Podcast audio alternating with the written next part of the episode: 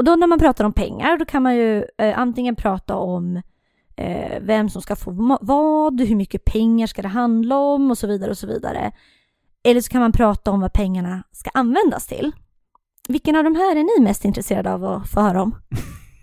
vad pengarna ska användas till? Ja. ja, det är väl kul att ni säger det, för det tycker inte medlemsstaterna. Men vi börjar i den ändan då.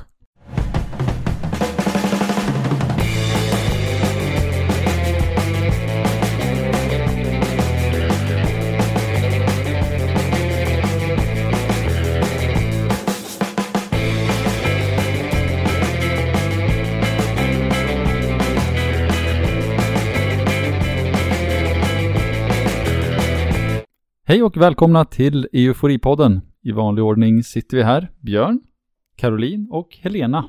Hej hej. Hej! Hej Marco. Hej! Du Helena, du har ju redan eh, haft ett litet avsnitt om eh, budgeten, eller hur? Ja, det är ju alltid spännande med pengar. Så idag ska du prata om budgeten igen. Rabatt eller inte rabatt? Det är frågan. Det är frågan en närmast existentiell fråga för Sverige under förhandlingarna av den här långtidsbudgeten, som nu börjar i alla fall närma sig en slutpunkt. Ja, vad är det som har hänt i den här frågan då? Man började liksom försnacka den här nya långtidsbudgeten som ska gälla för 2021 till 2027 eh, redan i början av 2018. Alla skulle liksom positionera sig, lägga ut sina eh, prioriteringar och så vidare. Och i december 2019 blev det lite mer på riktigt för då började man snacka konkreta cash, alltså då kom det siffror på bordet. Och så hade man ett eh, första toppmöte i februari 2020. Och så här, nu ska ni få höra vad Stefan Löfven säger efter det mötet. Ja, god kväll. Då är mötet med Europeiska rådet avslutat utan att vi kunde nå någon överenskommelse om nästkommande långtidsbudget i och för sig inget ovanligt, eh, snarare vanligt att man inte når en överenskommelse vid det första skarpa tillfället. Och så blev det också den här gången. Inte ovanligt, snarare vanligt. Något som inte är ovanligt är väl vanligt? Ja, och att man inte kommer överens om budgeten, det är snarare vanligt än ovanligt. ja, faktiskt. Mm. Alltså det såg ju väldigt mörkt ut där i, i december eh, och i februari, när man liksom började snacka på riktigt det var egentligen två gäng eh, med helt olika prioriteringar som eh, vägrade kompromissa med varandra. The Frugal Four, alltså även kända som snåljåparna i fri översättning. Den, den härliga de sparsamma. som vi är med idag. Ja. Eh, de sparsamma tror jag Löfven själv säger då, men eh, det är vi, eh, Österrike, Danmark och Nederländerna som då stod emot en annan huvudgrupp, Friends of Cohesion, eller som de sen döpte om sin grupp till Friends of an Ambitious Europe. Mm, vackert. Ja, det är väldigt eh, klyschigt. Ja, det är ett gäng länder i södra och östra Europa. Och skillnaden är eh, om man vill ha mer pengar eller mindre pengar. Mm. Egentligen i, ja, i alla aspekter av det, så det är ganska, ganska tydligt. Men är det givarländer och mottagarländer? Kan man dela upp det så enkelt eller är det mer komplext än så? Det är inte riktigt så enkelt. Italien som också är en nettobidragsgivare eh, tillhör ändå gänget som vill ha mer pengar i EU-budgeten. Så, att, så att riktigt så enkelt är det inte. Okay. Eh, och nu ska ni få höra recensionen av förhandlingarna av en tysk professor, Friedrich Heinemann från eh, Mannheims universitet något uppgiven där i februari. I think the biggest problem is already these expressions, you know, net, uh, uh, net payers, net con uh, contributors, net recipients. This already shows that uh, member countries look at the budget just as a financing means for their home constituencies. And, and I mean, there are big uh, transfer budgets in it. Uh, you have two thirds which go to agricultural spending and cohesion spending of the member states. So governments really fight for this money, so they want to get out of it as much as possible. And this is a tragedy because a truly European perspective would ask which are the big European challenges. This is not necessarily the money flowing back in my home country. It's a tragedy. Oj, det kändes som att det var riktat till mig och min fråga precis innan. Om, om det var så enkelt. med nettobidragsgivare. Aj, han ser ju det här som Mm. en tragedi att man använder inte EU-budgeten för att adressera EU-gemensamma problem. Utan alla sitter bara och tittar på hur mycket betalar jag in och hur mycket får jag tillbaka. Mm, kan jag hålla med om. Så så såg det liksom ut under inledningen av förhandlingarna och så brukar det se ut. Men sen vet vi ju alla vad som hände här under våren 2020. Ja, vad hände egentligen? Ja, vad hände under våren 2020? Corona! Ja, Det tror jag vi ing- inte har undsluppit någon. Corona ändrade allt. Eh, och det blev ett mycket högre tryck på solidaritet. Och inte bara liksom solidaritet i ord, eh, utan i cash. Att de länder som blivit hårdast drabbat behövde mer stöd från, från EUs håll. Så i maj 2020 då la kommissionen fram ett nytt budgetförslag. Eh, och det förslaget innehöll både en ny långtidsbudget och en särskild eh, coronaåterhämtningsfond. återhämtningsfond. Så man kan säga att lösningen från von der Leyens sida på den här låsningen mellan medlemsstaterna när man inte kunde komma överens om hur mycket pengar och vem skulle få vilka pengar, eh, det var att lägga mer pengar på bordet att slåss om. Ganska så mycket mer pengar, eller? Ja, absolut. Det är en, eh, en riktig tungviktare den här återhämtningsfonden. Man får inte kalla den så. Den heter eh, Next Generation EU. Det ska ju vara lite mer så positivt och peppigt. Men, eh, men ja, den är ju en slags corona-återhämtningsfond. Vi ska återkomma till det. För att det här var ju egentligen inte von der Leyens förslag. Inte egentligen, utan det som kommissionen la fram var det som i princip det som Merkel och Macron hade jobbat fram en och en halv vecka tidigare. Mm. Och så är det ju ofta i EU-samarbetet, att när det kommer till de riktigt stora, riktigt kniviga frågorna så är det Tyskland och Frankrike som driver arbetet framåt, som säkerställer att man, man kommer vidare och hittar en kompromiss. De är ju från liksom varsin av de här två huvudgrupperna som jag nämnde, alltså snåljåparna och de som vill ha mer pengar inom EU. Frankrike är lierad med länderna i södra och östra Europa som vill ha mer pengar i EU-budgeten och Tyskland står närmare oss snåljåpare i norr. Så att om de två kan enas så är ju det ofta en kompromiss som de flesta kan leva med. Fast tyskarna hörde väl inte till snåljåparna egentligen? Utan de... Inte formellt sett, Nej. men de har ju traditionellt sett legat närmare Mm. den grupperingen. Så det blev ett eh, klassiskt eh, midsommartoppmöte där man eh, löste ut de här frågorna. Det är ju bara Löfven som, eh, som kan ha något att invända mot det. Jag tror inte han har fått fira midsommar på flera år. Eh, och där satte man sig ner i fyra dagar och lyckades få fram en kompromiss som medlemsstaterna kunde enas om baserat på det här förslaget från Tyskland och Frankrike och, och kommissionen. Men som alltid när det är en kompromiss så är det vissa saker som är eh, lite oklara. Det är ju oftast en förutsättning för att alla ska, ska gå med på kompromissen. Och vad var oklart den här gången? Ja, vi, det är ju två olika delar då. Det är långtidsbudgeten och det är den här särskilda corona-återhämtningsfonden Next Generation EU, vad det nu heter. Ehm, vi börjar titta på själva långtidsbudgeten och utifrån ett svenskt perspektiv. Mm. Så Löfven, han hade med sig ett antal krav in i förhandlingarna och ska vi titta på hur det gick för honom med de kraven. Eh, en första viktig sak var ju att Sveriges rabatt måste vara kvar. Nummer två, EUs budget ska inte ligga över 1% av EUs BNI, alltså bruttonationalinkomsten. EU ska inte få ta upp egen skatt. EUs budget ska vara balanserad, det vill säga EU ska inte få ta lån för att finansiera utgifter. Och nummer fem då, pengar ska flyttas från jordbruk och sammanhållning till säkerhet och forskning. Det är viktigare frågor tycker Sverige. Och nummer sex till slut, De länder som bryter mot rättsstatens principer ska inte få EU-pengar. Det så det här var de svenska ingångsvärdena, det var det vi ville ha igenom? Yes. Mm. De huvudkraven kan man säga. Och det han kom ut ur förhandlingarna med var att Sveriges rabatt är kvar och den har till och med ökat. Den är till och med större än vad den var innan.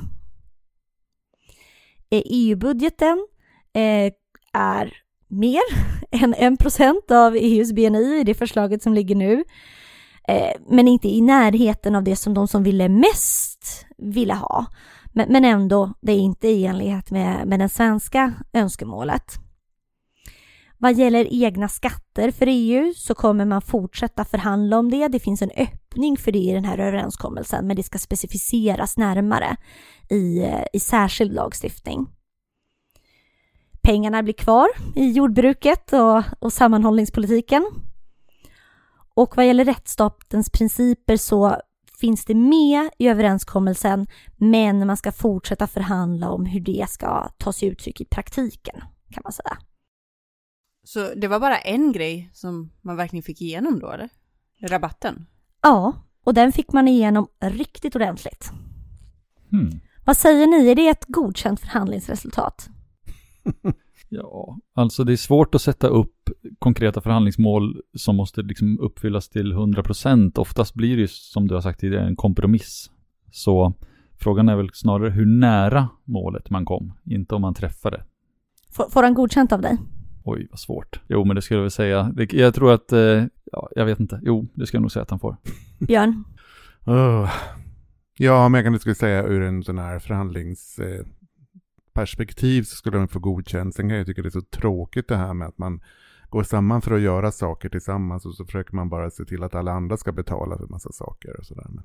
Det känns som att det är mycket av de här frågorna som man också inte har löst utan skjuter framåt lite grann. Att det, det där tar vi sen, det tar vi sen. Och det kan ju behövas för att faktiskt få igenom någonting och så får man reda ut det där det är lite eh, mindre press. Eh, och, och positionerna kanske, alla, alla lugnar sig lite. Just det. Och inte lika mycket ögonen på sig. Ja, det tror jag verkligen ligger någonting i det. Att det är förhandlingstaktiskt smart att flytta på det så att det kommer ur kanske det absoluta strålkastarljuset. Mm. Så man får lite För det är lugn. ju två av de här frågorna som man liksom har skjutit lite på framtiden.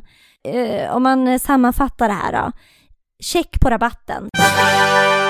Sveriges rabatt är kvar och den är större. Sen har man ju skjutit frågorna om EU-skatt och rättsstatens principer lite framför sig.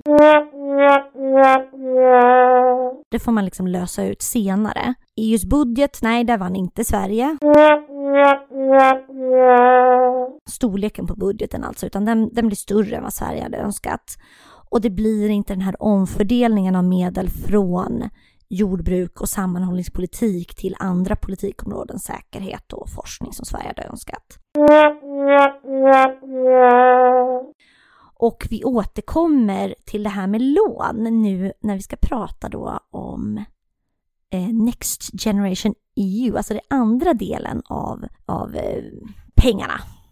Jag- måste bara lägga in en kommentar om det här med rättsstatens principer. Eh, när vi i ett tidigare avsnitt här hade med EU-ministern och intervjuade honom, det var ju någonting som han återkom till hela tiden, hur viktigt det där var, att det skulle vara en fast rätt på menyn och det var ingenting man kunde välja. Så det där känns som att det kommer vara fortsatt en viktig fråga för Sverige att ha koll på. Ja, den förefaller ju vara viktig för svensk del, men inte lika viktig som rabatten.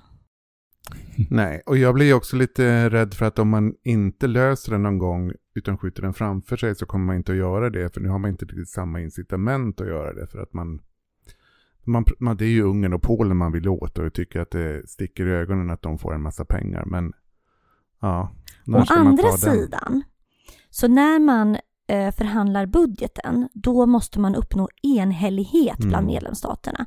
Vilket betyder att det är ju klart inte Ungern kommer gå med på någonting som gör att de inte får pengar. Men däremot, om det här ska lösas i tekniska förhandlingar, då kan det vara kvalificerad majoritet som gäller. Mm. Så det är inte nödvändigtvis eh, Kanske ett en förlust. Och sen har väl inte Europaparlamentet sagt sitt här, eller? Nej, allt det här är ju med brasklappen att Europaparlamentet eh, har man inte förhandlat med klart än, utan det pågår just nu as we Just speak. Och den tonåringen, de har uttryckt ganska starkt att de är... Ja, och de har ju länge varit liksom legat steget före rådet hela tiden i det här med rättsstatens principer och att medlemsstaterna ska, ska hållas till det. Så det där är ju en jätteviktig poäng för eh, Europaparlamentet för att godkänna långtidsbudgeten. Mm. Så att eh, fortsättning följer på den fronten. Men om vi går över till den här nya stora innovationen då som kom, alltså eh, coronaåterhämtningsfonden eller eh, vad sa vi nu att den heter, Next Generation EU. Och då när man pratar om pengar, då kan man ju antingen prata om vem som ska få vad, hur mycket pengar ska det handla om och så vidare och så vidare. Eller så kan man prata om vad pengarna ska användas till. Vilken av de här är ni mest intresserade av att få höra om? vad pengarna ska användas till? Ja. ja, det är väl kul att ni säger det, för det tycker inte medlemsstaterna. Men vi börjar i den ändan då. Alltså de här pengarna, 750 eh, miljarder euro, de ska pumpas ut i EUs ekonomi under åren 2021 till 2023. Och det är medlemsstaterna som ska ta fram liksom konkreta förslag på exakt hur de ska användas. Eh, men det övergripande fokuset för de här medlen är eh, en omställning av EUs ekonomi till en mer grön och digital ekonomi. Känner ni igen eh, de här två prioriteringarna någonstans ifrån? Ja, från Ursulas program för kommissionen. Mm, just det. Så det är ju hennes ambition med hela sin mandatperiod. Och då har det ju kommit en viss kritik mot det här att handlar de här pengarna egentligen om att man ska återhämta sig från corona? Så det här är ju inte, om man tittar på hur man spenderar pengar kopplat till corona nationellt så är det ju så här Eh, permitteringsstöd och pengar till sjukvården. De här EU-pengarna kommer inte gå till sådana saker.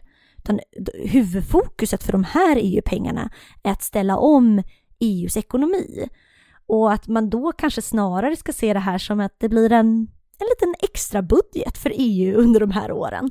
Där man får chans att satsa på sådana saker som man ändå hade velat satsa på i långtidsbudgeten. Hmm. Men nu sa du att den skulle sträcka sig 2021 till 2023. Ja, det är då pengarna ska pumpas ut. Okej, okay. så det löper inte över hela Nej, alltså det är ju kopplat till att man, ekonomin ska återhämta sig efter coronakrisen. Det är ju det som är, på det sättet är det ju en, en tydlig koppling. Men, men, men samtidigt så är det väl bra ifall man ändå gör sådana här satsningar som man nu tvingas till på grund av pandemin, att det också kopplas ihop med eh, liksom den, de över, överlag andra prioriteringarna, att det går hand i hand så att man inte börjar eh, ge liksom åtgärder mot pandemin som går stick i stäv med den gröna given eller digitalisering eller andra mål som man har. Mm. Men kunde man inte bara haft en större långtidsbudget då i sådana fall? Kanske. ja men det är ju det här som är lite dubbelt, att det är lite, och det är inte helt klart och givet och det är medlemsstaterna som ska återkomma och definiera exakt vad pengarna ska användas till och så vidare och så vidare. Men, men det finns en viss, en viss dubbelhet i det här, även om ja, man kan tycka att det är väldigt kloka prioriteringar. Det hade kanske varit lättare att komma undan med det om man hade döpt det till någonting som hade tydligare koppling till pandemin och sen smugit in grönt och digitalisering mm. istället för att göra tvärtom, att man nu säger digitalisering och det gröna och sen det ska ju självklart röra pandemin, ska det liksom vara underförstått. Så. Ja, man kan ju se det som att okay, men medlemsstaterna de får stå för det här akuta stödet till ekonomin och sen ska EU komma in och ge stödet till den här stora återhämtningen som ska ske efteråt. Och då vill man att den ska präglas av de här eh, inriktningarna om, mot digitalisering och mer miljövänliga åtgärder. Mm. Ja, men det är ju stort ungefär mm. vad pengarna ska användas till. Eh, men det här var ju inte det som medlemsstaterna var mest pepp på att prata om och det här har ju liksom inte diskuterats i media. Utan det man har pratat om är ju det här vanliga liksom. Vem ska betala? Ska det vara lån? Ska det vara bidrag? Var ska pengarna komma ifrån? Hur blir det sen? Ja, den, den grejen. Och det var ju exakt samma skiljelinjer såklart i förhandlingarna om långtidsbudgeten som om det här, den här fonden. En av de största eh, stöttestenarna, det var ju att alltså, de här pengarna ska lånas upp på marknaden och sen ska de fördelas ut till medlemsstaterna. Och den stora stötestenen här var ju då, ska EU låna pengar till medlemsstaterna från de pengar EU har lånat från marknaden? Eller ska EU låna pengar från marknaden och sen ge det i bidrag till medlemsstaterna? Och här hade vi ju då precis samma uppdelning som i, i förhandlingarna av långtidsbudgeten, samma typ av argument och så vidare och så vidare. Kompromissen blev att ungefär 40 procent av de pengar EU gemensamt har lånat upp från marknaden går som lån till medlemsstaterna. Men 60 procent av de pengar EU har lånat går som bidrag till medlemsstaterna för att genomföra de här olika återhämtningsåtgärderna. Mm. Och det är här man pratar om det stora ögonblicket. Alltså EU lånar upp pengar från marknaden För första gången. va? för första gången och som ska återbetalas liksom 2058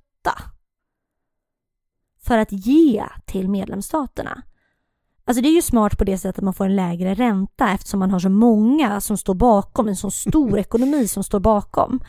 Det vet man ju om man ska köpa lägenhet. Det är bättre att vara två personer än en person som står som garant för lånet. Pluskund på, hos Världsbanken. Jag samlar alla sina lån i det. Mm. Men hur, hur blir det här? Och kommer liksom EU kunna betala tillbaka det? Vem gör det? Och har man då liksom eh, lånat upp pengar som man inte kommer ha råd med och som bara slösas bort? Det här var ju också då stora förhandlingar. Ja, den där invändningen att det inte är framtida generationer som ska behöva eh, betala för det här. Men så gör ju å andra sidan medlemsstaterna nu. Man lånar ju pengar Ja. för att eh, stötta ekonomin under krisen. Och det är klart att när man lånar pengar så betyder det att man betalar av dem i framtiden. Mm. Just det. Så, så EU börjar bete sig lite mer som en medlemsstat här. Och det är då frågan. Det gillar vi federalister. Håller EU på att faktiskt börja bete sig som en medlemsstat? Eller var det här bara en engångsföreteelse som EU-minister Hans Dahlgren hävdar? Eller är det ett steg i en ny riktning? Ja, det är väl ett steg i en ny riktning, antagligen. Jag tror också det. Det kommer vara svårt att, att backa från det framöver. Och det går ju alltid att... Ja, man kan hävda nu att det var extraordinära omständigheter, men vi vet ju inte heller vad som kommer råda om fem år eller om sju år. Och det kan vara andra extraordinära omständigheter. Och har man gjort det en gång så är det väldigt mycket lättare att göra det en andra gång. Och vi har ju extraordinära eh, saker som händer ungefär var tredje år i EU. Det är ju eurokrisen och migrationskrisen och nu är det covid-19. Så att, eh, Mm. Ja, är Kommer det något man kan vara säker på så är det att det kommer komma kriser i framtiden. Ja. Men sen är det också intressant det här med att de har då, säger att man får pengarna i bidrag, men samtidigt så har EU lånat upp pengarna. Så att det är ju också ett lån, eftersom medlemsstaterna är delansvariga för det lånet så har de fått ett bidrag, men det är ett lån i nästa steg. Så att det, Just Ja. det. Ja. Nej men det, det, det, det som är intressant här, om man skulle säga att det är en engångsföreteelse, är ju att medlemsstaterna skulle ändå kunna komma undan med att utöka lånet bara. Istället, man behöver inte ta ett nytt lån, utan vad händer om man utökar lånet? Är det fortfarande, spinner man då fortfarande vidare på samma engångsföreteelse? alltså nästa kris så utökar bara lånet lite och kallar det för att vi är ju fortfarande på samma ruta liksom. Det här är bara ett utökande. mm, precis. Och det här var ju det som de länder som har blivit hårdast drabbade av coronakrisen menade. Eh, Det som snåljåparna liksom fick igenom som, som motprestation handlade om hur ska man kontrollera hur medlemsstaterna använder de här pengarna? Alltså bortom egentligen, inklusive frågan om, om rätt, respekt för rättsstatens principer, men, men också bortom det. Om man märker att det, det är någon populistisk regering i något eh, land, till exempel i södra Europa, man skulle kunna tänka sig att det finns något land eh, eh, som har blivit hårt drabbat av coronakrisen där man skulle kunna ha lite populister i regeringen som börjar liksom eh, Dela ut medborgarlön. Dela ut medborgarlön till exempel. Vad kan de nederländska skattebetalarna göra åt det? Ifall Mm. det börjar bli liksom saker som inte leder till ekonomisk återhämtning utan som bara är att man köper väljare. Mm. Så det här var ju Nederländerna som främst drev på att det skulle finnas en möjlighet att stoppa utbetalningar. Det ska finnas någon slags kontroll. Och det här ska man också då fortsätta specificera vidare exakt hur omfattande den möjligheten kommer vara. Mm. Mm. Men ett nytt EU, tror ni det? alla sådana här lite större, viktigare beslut formar väl EU. Det är väl så det är. Det är väl små, små, små steg framåt hela tiden. Så att absolut, eh, det är ju ett annat EU än vad vi hade igår. Och vi kommer väl ha ett... Ja, det är självklart att det kommer befinna sig i en ständig rörelse. Allting förnyas väl hela tiden. Mm. Vad är alternativet? Att stå stilla? Nej. Nej. Men nu har du blivit våran budgetperson. Eh, och jag antar att du kommer återkomma till den här frågan framöver. Oj, herregud. Det är en sån ständig efterfrågan och man måste göra så fruktansvärt mycket research. Vi får väl se om det händer något som är tillräckligt spännande.